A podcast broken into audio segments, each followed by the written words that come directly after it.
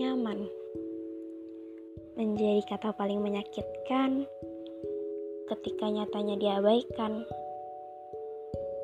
Selama ini, kamu yang aku kira membuatku nyaman, pada akhirnya meninggalkan.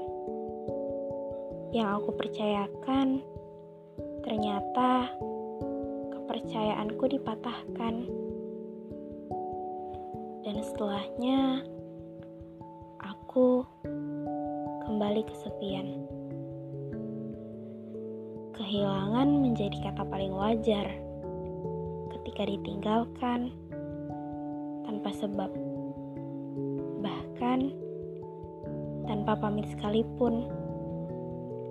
Kudoakan kamu bisa mendapatkan yang bisa membuatmu nyaman dan bukan hanya harapan yang kamu harapkan.